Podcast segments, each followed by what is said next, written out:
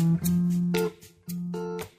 Günaydınlar, herkese merhaba. Radyo Gedi'nin sabah programına hoş geldiniz. Bugün 11 Nisan Salı günün öne çıkan başlıklarına bakacağız. Çok sayıda veri var. Ee, bu hafta ekonomik veri takviminin yoğun olduğunu söylemiştim. İşsizlik rakamları geldi, ihracat rakamları geldi, cari açık rakamları geldi.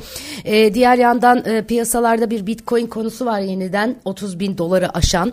Ee, ve e, bugünün manşetlerinde e, bakan kurumun açıklamaları öne çıkıyor. İstanbul'da 1,5 milyon acil dönüşmesi gereken konut var demiş. Bunların yüzde yirmisi çok acil diye konuşmuş. E, Habertürk yayınına katılmış e, bakan kurum deprem bölgesindeki gelişmeleri e, de aktarmış. Detaylarına bakacağız e, şimdi hep birlikte. Evet önce rakamlarla başlayalım. Ee, Türkiye'de işsizlik e, zar zor tek haneye iniyor sonra orada kalmadan hemen yeniden e, çift haneye dönüşüyor. Yüzde onlar gibi bir e, normalimiz var. E, normal diyorum Türkiye için.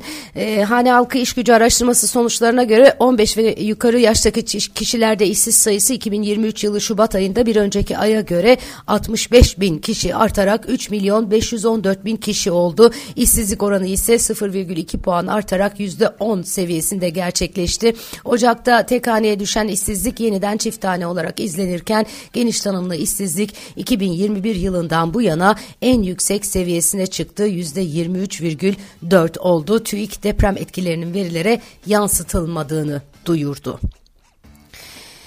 E, cari açıktaki e, artışta devam ediyor. Şubat'taki veriler beklentileri de aştı. 8.78 milyar dolar oldu. Ekonomistlerin beklentisi 8.45 milyar dolar e, olarak gerçekleşmesi yönündeydi. Şubat ayında 12 aylık cari açıkta 55.4 milyar dolar oldu. Böylelikle 12 aylık e, cari açık 2012 yılı Ağustos ayından bu yana en yüksek seviyeye çıktı. Ocak ayında 9,85 milyar dolar açıklanan olarak açıklanan cari açık ise 10.2 milyar dolara revize edildi. Bu rakamda Türkiye tarihindeki en yüksek cari açık rakamına işaret ediyor. Ee, diğer yandan İSO Türkiye İmalat Sektörü İhracat Eklimi Endeksini açıkladı. Mart ayında üst üste ikinci ay e, arttığı görülüyor. 52,6 seviyesinde gerçekleşmiş endeks. Bu veri ihracat ikliminde Mayıs 2022'den bu yana en belirgin güçlenmeye işaret ediyor. Türkiye İmalat Sanayi ihracatındaki payı yaklaşık %15 düzeyinde olan iki ekonomiden Almanya'da üretim üst üste ikinci ay arttı ve söz konusu artış son 10 ayın en yüksek oranında gerçekleşti. Diğer ülke Amerika ise ekonomik aktivite son Amerika'da ise e, son e, 9 ayın en yüksek artışı kaydedildi. Öte yandan Şubat'ta Türkiye'de dış ticaret açığı bir önceki yıla göre %51,4 artışla 12.2 milyar dolar olmuştu. E, tabii ihracat tarafındaki iyileşmenin e, belli e, nedenleri, başlıkları var. E, baz etkisi ve dolar e, diye e, yazılıp çizilmiş. Ekonomim gazetesinde e, detayları var. İmalat sanayinde kur ve ba baz baharı diye manşet atmışlar. Seçim sonrası kurun yükseleceği endişesi bazı sektörlerde talebi öne çekerek tempoyu artırmış olsa da emtia fiyatlarının düşmeye devam etmesi, eski rakip Çin'in geri dönmesi ve depremin olumsuz etkisinin devam etmesi yavaşlamayı belirginleştirdi deniyor. İmalat sanayindeki 10 sektörden 5'i Mart ayında faaliyet koşullarındaki iyileşmeye işaret eden 50 eşik değerin üzerinde bulunurken e, sektörlerin 8'inde PMI endeksleri Ocak ayı seviyelerinin altında kaldı. Mart'ta manşet PMI'ya en yüksek katkı otomotiv sektöründen geldi. Depremin etkilerine rağmen tekstilde yüksek artış dikkat çekerken giyim ve elektrik elektronikteki iyileşme toparlanmaya sınırlı katkı verdi. Kimya sektörünün faaliyet koşullarında ise sert bir iniş izlendi. Evet detaylarını vermişler. Ee, biraz önce ifade ettiğim gibi e, seçim sonrası kurun yükseleceği endiş, endişesi bazı sektörlerde talebi öne çekerek tempoyu arttırmış görünüyor. Ama e, emtia fiyatlarının düşmeye devam etmesi, eski rakipçinin geri dönmesi ve depremin olumsuz etkisinin devam etmesi yavaşlamayı belirginleştirmiş durumda diye yazılıyor. Rakamları doğru okumak son derece kritik önem taşıyor sevgili arkadaşlar. Evet bakan kurumun açıklamalarına bakalım. Dönüşmesi gereken 1,5 milyon konutun %20'si çok acil. Çevre Şehircilik ve İklim Değişikliği Bakanı Murat Kurum İstanbul'da 695 bin konutun dönüşümünü yaptıklarını söylemiş. Deprem riski olan konutları yeniledik. Şu anda İstanbul'un 39 ilçesinde 93 bin konutun dönüşümü devam ediyor. Daha da güçlendirerek bu iradeyi ortaya koymak zorundayız. İstanbul'da 1,5 milyon acil ve öncelikli dönüşmesi gereken konut var. %20 20'si çok acil diye konuşmuş. Deprem bölgesindeki 5 milyon 919 bin bağımsız bölümün yerinde incelemesini yaptıklarını söyleyen Bakan Kurum, Türkiye'nin en iyi mimarlarıyla çalıştıklarını, deprem bölgesindeki kültür, demografik yapı, doğa, iklim ve çevreyi de içine alacak tasarımda konutları projelendirdiklerini bildirmiş. Depremden etkilenen 11 ilin birbirinden farklı özellikleri olduğunun altını çizen Bakan, o yüzden 4 ilimizi 4 ayrı mimara verdik. Oralarda yeşil yollar, toparlanma alanları yapılacak. Bayramda Sayın Cumhurbaşkanımızın da katılımıyla ilk baş başlattığımız konutlarımız teslim edilecek. Köylerde konutlarımızı bitireceğiz. Bunlar tek katlı köy evleri. Mesela bir köyün tamamı bitecek, bayrama yetişecek. Bittikçe de vatandaşlarımıza teslim edeceğiz demiş. İlk günden beri devlet üzerine gö düşen görevi yaptı diye konuşmuş deprem bölgesiyle ilgili olarak. Evet e, İstanbul'da iki yakada uydu kentler kurulacağını da söylüyor. E, İstanbul'a ilave bir nüfus getirilmemesi gerektiğini belirten bakan İstanbul'u hizmet, finans, kültür ve sanatın şehri haline getirmek zorundayız. Kısmi sanayi de olacak ama bacalı sanayi değil teknolojik. Sayın Cumhurbaşkanımızla Ataşehir'de finans merkezini açacağız. 2,5 milyon metrekare alanı var 50 bin kişi istihdam edilecek diye konuşmuş. Yani burayla ilgili çok kritik var. E, finans merkezi e, binalardan ya da hektar hektar alandan e, değil, e, hukuki düzenlemelerden, e, bağımsız piyasa koşullarından, avantajlardan oluşuyor. E, ama e, daha çok burada e, tıpkı bir e, sanayi kuruluşu dan bahseder gibi istihdam sayısı ve e, metrekare e,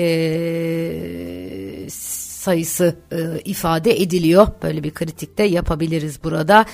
Kızılay yönelik eleştirilere ilişkin gelen bir soruyu da cevaplamış bakan. Kızılay bizim kurumumuz 85 milyonun bir değeri. Kızılay'daki çalışanlarımız, arkadaşlarımız deprem sürecinde yapılması gereken her türlü çalışmayı gece gündüz çalışarak uykusuz yorgun bir mücadele yaptılar. Burada Kızılay'ı yenmek, kişiler üzerinden eleştirmek en kolayı demiş. Kızılay Başkanı e, Kınık'ın e, hareketleri e, kamuoyunda çok ciddi eleştirilere sebep oluyor ama kendisi hala görevinin başında ve son olarak da Kızılay'dan resmi bir açıklamayla kan stoğunun bittiği insanların daha fazla kan vermesi gerektiği açıklandı. Çok ciddi bir zedelenme var e, kurumun itibarında ama burada e, kriz yönetimi yapılmak yerine Kızılay'a e, yapılan eleştirilerin yersiz olduğu ifade edilmeye devam ediliyor. Dünya Bankası Başkanı David Malpass e, tarafından yapılan bir açıklamaya göre küresel ekonomik görünümün Ocak ayındaki tahminlerden daha olumlu bir şekilde ilerliyor, ilerliyor olması sebebiyle küresel ekonomi bu yıl önceki tahmin olan %1,7'nin aksine %2 büyüyebilir. Küresel ekonomiye umut revizyonu diyor Dünya Bankası'ndan ama tabii bu rakamlar, bu revizyonlar e, yine yeniden e, değişebilir. E, çünkü e, özellikle ekonomik aktivitede e, piyasalar tarafındaki geliş gelişmelerde e, her an her şey olabiliyor biliyorsunuz. Mesela Bitcoin'in başına gelen gibi en büyük kripto para birimi 24 saat içinde %7'nin üzerinde artış gösterdi. Coin Matrix'e göre kripto para birimleri salı sabahı Asya'da yükseldi yani bu sabah ve Bitcoin son 24 saatte %7'den fazla artarak 30.190 dolara ulaştı. Bu seviyelere en son 9 Haziran'da yani neredeyse tam 10 ay önce çıkmıştı Bitcoin. İkinci en büyük dijital dijital varlık olan Ethereum e, yine bu son 24 saatte 4,3'lük bir artışla 1933 dolardan işlem e, görüyormuş. Fed Başkanı Jerome Powell'ın bankacılık krizi nedeniyle faiz oranlarını düşürmesini ve bunun karşılığında Bitcoin gibi riskli varlıkları daha çekici hale getirmesinin beklenmesinden kaynaklanıyor olabilir bu durum diye konuşuyorlar. Güney Kore Merkez Bankası e, beklentilere paralel faiz oranlarını e, sabit tuttu. E, Kore wonu Amerikan doları karşısında e, bir miktar hareket ettikten sonra e, güçlendi. Fed'in şahin, şahin duruşunu sürdürdüğü görülürken küresel enflasyonist bir ortamda sıkılaştırma döngüsünü duraklatmada Güney Kore, Avustralya ve Hindistan gibilere gibi ülkelere katılıyor e, deniliyor. E, Asya borsaları da bu aksiyonunu Güney Kore Merkez Bankası'nın beğenmiş ki yükselişte e, bu sabah e, Güney Kore Merkez Bankası %4,2'lik bir enflasyon oranıyla boğuşurken üst üste ikinci kez faiz oranlarını sabit tuttu. Hareketin ardından Güney Koreli Kospi daha da yükseldi ve %0,96 daha yüksekten işlem gördü.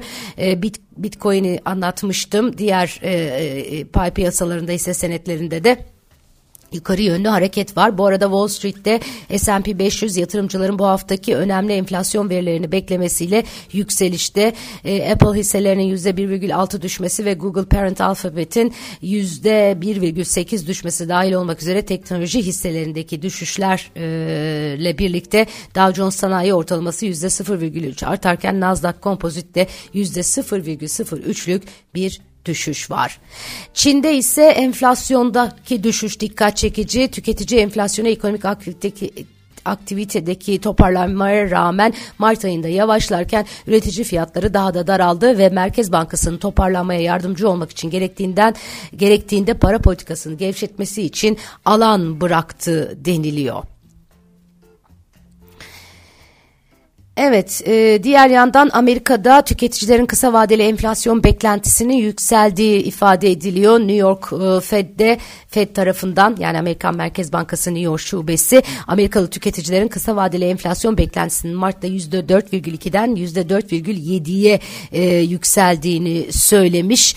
E, uzun vadeli enflasyonda enflasyon beklentisinde önümüzdeki 5 yıllık süreçte ise bir miktar gerileme var. Yarın açıklanacak Amerika'da Mart ayı enflasyonu piyasa aylık 0,2 yıllık ise 5,2'lik bir artış beklentisi e, içerisinde. Evet. Başka neler var? Şöyle bir bakıyorum. E, Merkez Bankası'nın kapalı çarşı alışverişi e, yine gündemde. Dün bahsetmiştim bundan. Böyle koca koca e, şey sandıklarla çöp arabaları gibi hani vardır ya sokaklarda altın alıyormuş Merkez Bankası. Kurumlar da oradan alıyormuş. E, Ekonomim gazetesi yaptı bu haberi e, ve e, dün manşetlerdeydi. Bugün de yine e, devam ediyor e, ses getirmeye. Milyarderler Norveç'i terk ediyormuş. Norveç'te merkez sol hükümetin servet vergisini %1,1'e çıkarmasının ardından geçen yıl 30'dan fazla milyarder ve milyoner ülkeyi terk etti diyorlar. Bu rakamın son 13 yılda ülkeden ayrılan süper zengin sayısının toplamından daha fazla olduğu ifade edilmiş. E, Macron'un açıklamaları var. Çin'e bir ziyaret yaptı Macron ve bu resmi ziyaretin dönüşünde e, konuştu. E, Avrupa'nın sınır ötesi dokunulmazlığı olan dolara bağımlılığını azaltması gerektiğini savunmuş. Avrupa'nın Amerika'nın takipçisi olması e, yolundaki baskıya direnmesi gerektiğini savunan Macron, Avrupa'nın karşı karşıya olduğu en büyük risklerden birinin kendisinden kaynaklanmayan krizlere yakalanmak olduğu görüşünü dile getirmiş. Macron ayrıca Avrupa'nın silah ve enerji alanı alanında da Amerika'ya olan bağımlılığını arttırdığı konusunda şikayette e, bulunarak yaşlı kıtanın savunma sanayisini güçlendirmesi gerektiğini ifade etmiş. Yani e, hiç yeni değil e, bu açıklamalar e, ama e, Avrupa kendinden kaynaklanmayan krizler e, derken Amerika'daki krizleri işaret ediyorsa Avrupa'nın kendi krizleri Amerika'dan çok daha büyük durumda bir Çin etkisi e, Çin rüzgarı e, böyle e, yalamış e, yüzünü galiba Emmanuel Macron'un. Evet bugünkü notlar özetle böyle güzel bir gün diliyorum herkese. Bu arada dün ekonomi sohbetlerinde sevgili Zeynep Candan Aktaş'ı ağırladım. Bireysel emeklilik konusunda e, çok kıymetli bilgiler aktardı. Tasarruflarınızı beste değerlendiriyorsanız eğer e, nasıl fonlarınızı e, takip edebileceğinizi, nasıl yönetebileceğinizi, ne tür avantajlar e, olduğunu e, bilmiyorsanız e, lütfen bu yayını dinleyin. Çok faydalı olduğunu düşünüyorum. İster gönüllü besiniz olsun, ister otomatik besiniz olsun. E, nasıl e, işler yürüyor burada öğrenmekte fayda var. E, YouTube'da bulabilirsiniz İstanbul Gedik Üniversitesi'nin YouTube kanalında ekonomi sohbetlerini. Evet, hoşçakalın.